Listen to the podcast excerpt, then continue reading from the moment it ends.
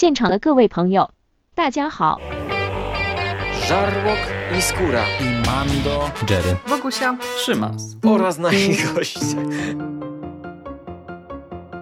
Konglomerat podcastowy. Wasze ulubione podcasty w jednym miejscu. zapraszamy. zapraszamy. Zapraszamy. zapraszamy. Zapraszamy!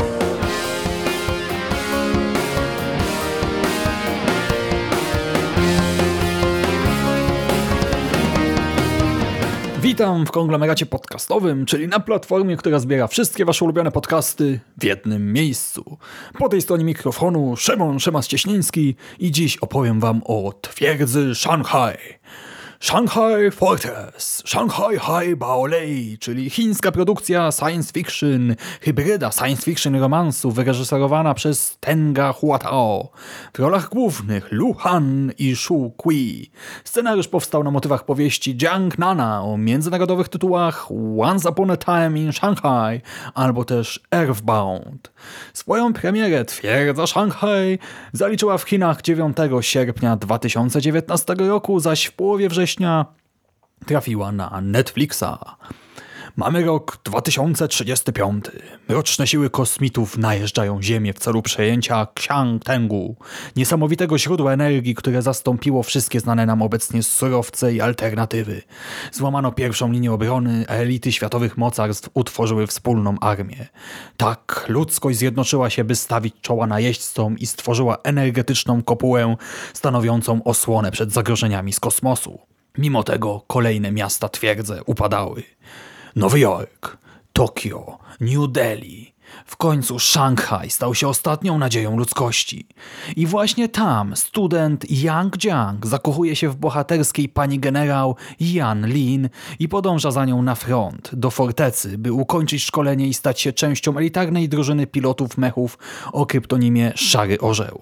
W trakcie kolejnej ofensywy ze strony kosmicznego statku macierzystego Delta generał Lin otrzymuje rozkaz ochrony i aktywacji ukrytej pod ziemią tajnej broni o sile tak potężnej, że być może zdoła odeprzeć atak obcych, zaś Jiang i kilku członków Szarego Orła wyruszą w przestrzeń kosmiczną, by trzymać obcych z dala od Lin i tym samym zaryzykują własne życie w obronie ludzkiej rasy.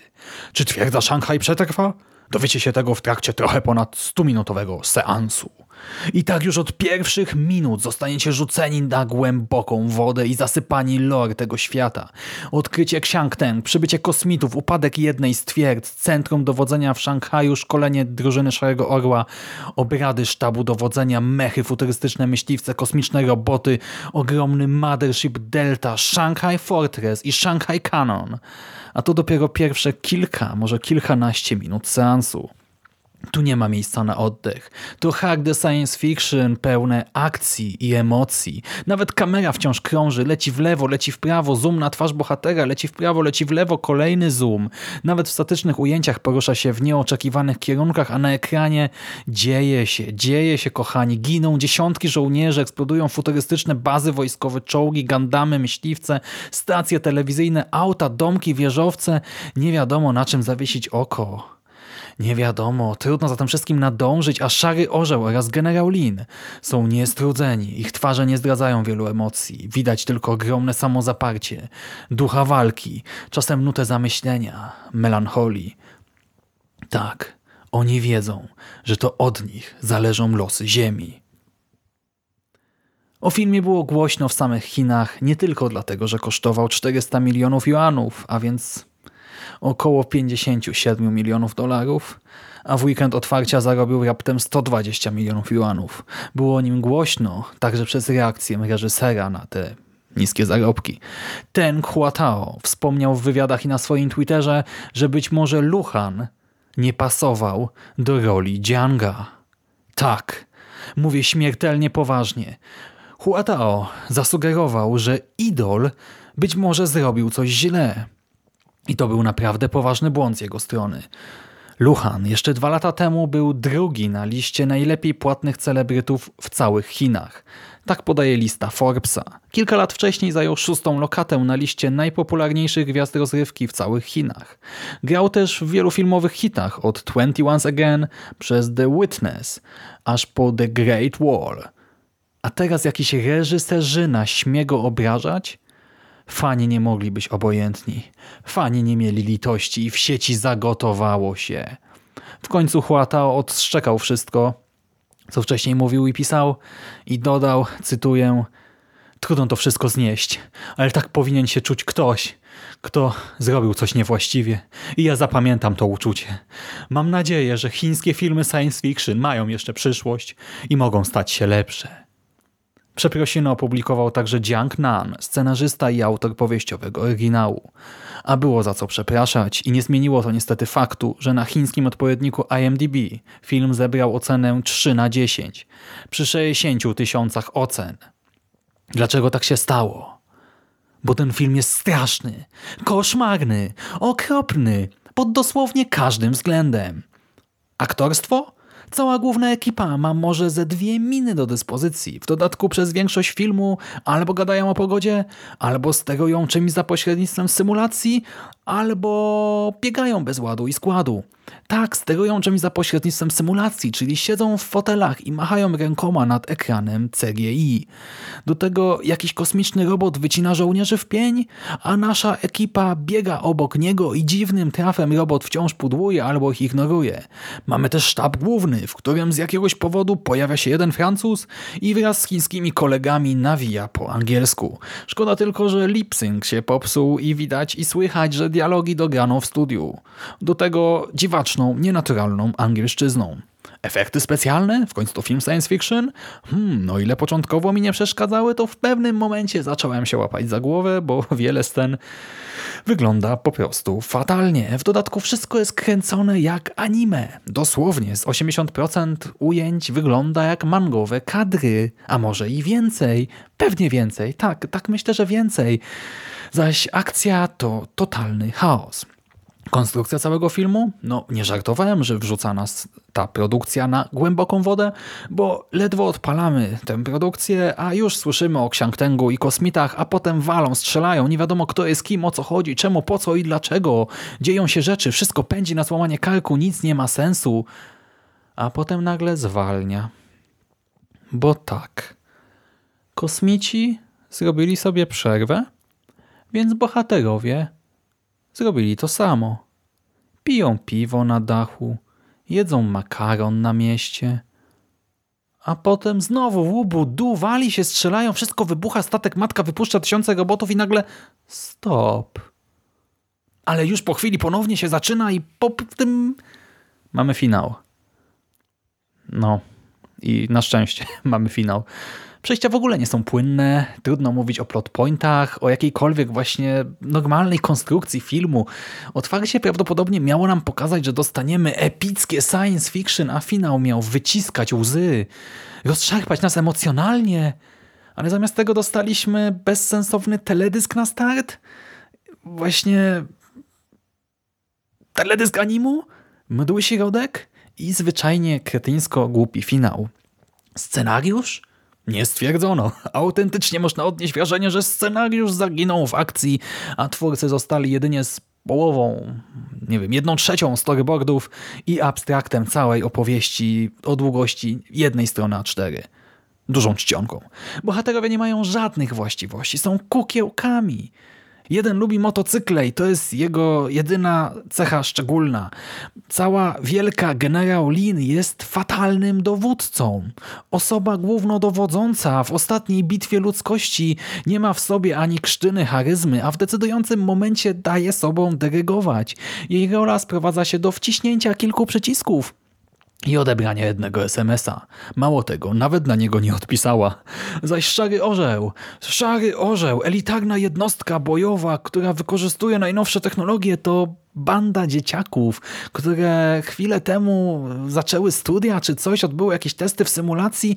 Oczywiście najładniejsza buźka ma podobno najlepsze osiągnięcia, nie? bo jest idolem, wink wink, a potem wszyscy walczą cały czas w tej symulacji, co daje nam CGI walczące z CGI, bo to jest to, czego oczekujemy od filmów. Tak, lubię, kiedy no takie średnie, a nawet dobre CGI walczy z CGI, to jest zawsze takie emocjonujące. Dostajemy też przeokrutnie nudny segment z życiem osobistym szarych orłów. A następnie starcie, w którym mogą w końcu coś zrobić. Szkoda tylko, że w sumie to nie obchodzą nas, nas ich losy i w sumie to też niewiele robią, a ponadto wszystko jest maksymalnie alogiczne i groteskowe. Bohaterowie oczywiście muszą się poświęcać, tak? Patos, patriotyzm, chińska potęga to słowa klucze w tym kontekście i poświęcają się w chwilach, gdy wcale nie muszą tego robić, gdy nie ma to absolutnie sensu. Do tego jedna osoba obrywa najpotężniejszą bronią we wszechświecie, znajdując się wysoko w atmosferze, a scenę później jest cała i zdrowa. Deal with it. No, handluj z tym. W innej scenie jeden z dowódców je makaron na mieście i nagle podbiega do niego dziecko i wręcza mu rzeczy z wojskowego depozytu sprzed kilku lat. Koleś jest wojskowym. Koleś przebywa pewnie w bazie, w której znajdują się te rzeczy i ten depozyt i przebywał tam właśnie przez te ostatnie pięć lat. Ale dlaczego miałby odzyskać te przedmioty wcześniej od kogoś z roboty. Nie, dostaje je od dziecka w trakcie przerwy obiadowej po pięciu latach. No oczywiście, a ile może zająć odbudowa miasta? pod którym rozstąpiła się ziemia i które zostały równolegle zniszczone najsilniejszą falą uderzeniową w historii ludzkości oraz częściowo zatopione przez ocean. Jak myślicie, ile trwała odbudowa? No właśnie pięć lat. Po pięciu latach nie widać nawet zadrapania na elewacjach. Chińska technologia. Fuck yeah. Operatorka i choreografia? No cóż, to jest kosmos, tak? To jest prawdziwy science fiction. To jest kosmos nawet jak na standardy shonenów, bo tu nic nie ma ładu i składu. Czasem na siłę doprowadza się do widowiskowej sceny, ale przez brak odpowiedniego podprowadzenia efekt końcowy jest żałosny. Tak dość mocno żałosny. Mamy też jednego Master Shota. No dlaczego by nie? Master Shota, którego stworzono prawdopodobnie bez żadnej próby. Od ktoś go sobie wymyślił, zrobiono jedno podejście i uznano, że to wystarczy. Tak spoko, tak no już, bum, poszło. Do tego kamera naprawdę lata w lewo i w prawo, bez sensu, bez żadnego sensu i pozwala sobie na ostre, skokowe zoomy na twarze, czy jakieś tam detale, które wcale nie są istotne. Kojarzycie swoje pierwsze wideo kręcone telefonami komórkowymi?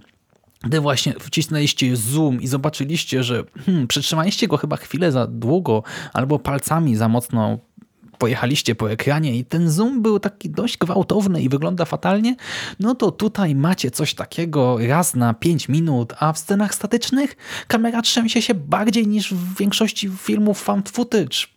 Nie wiem, no zbrakło na statyw z tych 57 milionów dolarów?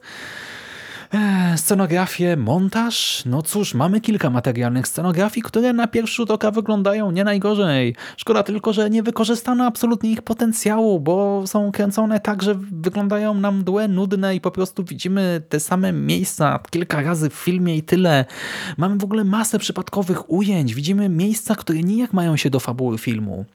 Dostajemy jakiś randomowy budynek, innym razem jakiegoś dziwacznego żołnierza z repliką broni, który nijak nie pasuje do tego filmu. Normalnie zaczynamy się zastanawiać, y, czy wycięto te sceny z innych produkcji, czy może zakupiono na stoku z wideo, co tutaj się w ogóle zadziało.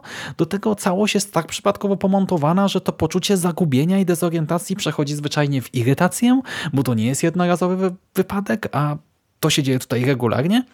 No i mam jeszcze ten romans, tak, romans. Forteza Shanghai jest tak reklamowana jako hybryda filmu romantycznego i science fiction. Postać Luhana zakochuje się w Yan Lin, granej przez Shu Kui. Problem polega na tym, że Shu jest o 14 lat starsza od Luhana, a w tym filmie wydaje się być jeszcze starsza. Do tego on jest przedstawiany jako świeżo upieczony student, który boi się do niej odezwać, a ona jest robotem z drewna, dla którego liczą się tylko bar z makaronem, wspomnienie ojca i walka z obcymi. Nic więcej. Nie ma tu ani grama chemii ani odrobiny, nic a nic. Ich najbardziej romantyczne spotkanie ogranicza się do tego, że facet stawia obok niej kwiatka w jakimś kwadratowym słoiku, ona go podnosi i jest tak zażenowana chyba sytuacją, że wychodzi z baru w tym momencie. I to tyle. I ostatnia scena próbuje się zrehabilitować, tak? Chce to wszystko zmienić, ale to jest scena po 100 minutach filmu i chyba jest już troszkę za późno na naprawienie błędów. Tak dość mocno za późno. No i być może myślicie, że no, Szymas tak sobie teraz ciśnie, ciśnie, tak się zgrzewa, ale to może być dobry film do piwka, do obejrzenia ze znajomymi. Otóż ja go oglądałem na trzeźwo. Ale odpowiedź nadal brzmi nie, bo znajomi po kilku drinkach hejtowali go dużo mocniej ode mnie. I to jest naprawdę spektakularne dzieło, spektakularna katastrofa. Scenariusz, reżyseria, aktorstwo, operatorka, efekty specjalne, scenografię, choreografię, udźwiękowienie, właśnie muzyka grana cały czas na tych samych akordach. Wszystko leży i kwiczy. Jedynym plusem jest chyba to, że w historię nie wpleciono już żadnej filozofii, jakichś tam rozważań o religii, czy większej ilości technobełkotu. Tak, kochani, dokładnie tak. Patrzę teraz na ciebie, Netflixowa, Godzilla animowana trylogio, która zmarnowała wiele godzin mojego życia. Na ciebie patrzę i przed tobą przestrzegam kolejne pokolenia. No ale tak czy siak, mimo tej jednej drobnej zalety, szczerze odradzam, jeżeli Forteca Szanghaj ma być naszą ostatnią deską ratunku, to znaczy, że koniec ludzkości jest bliski. I to już wszystko ode mnie na dzisiaj. Do następnego razu. Cześć.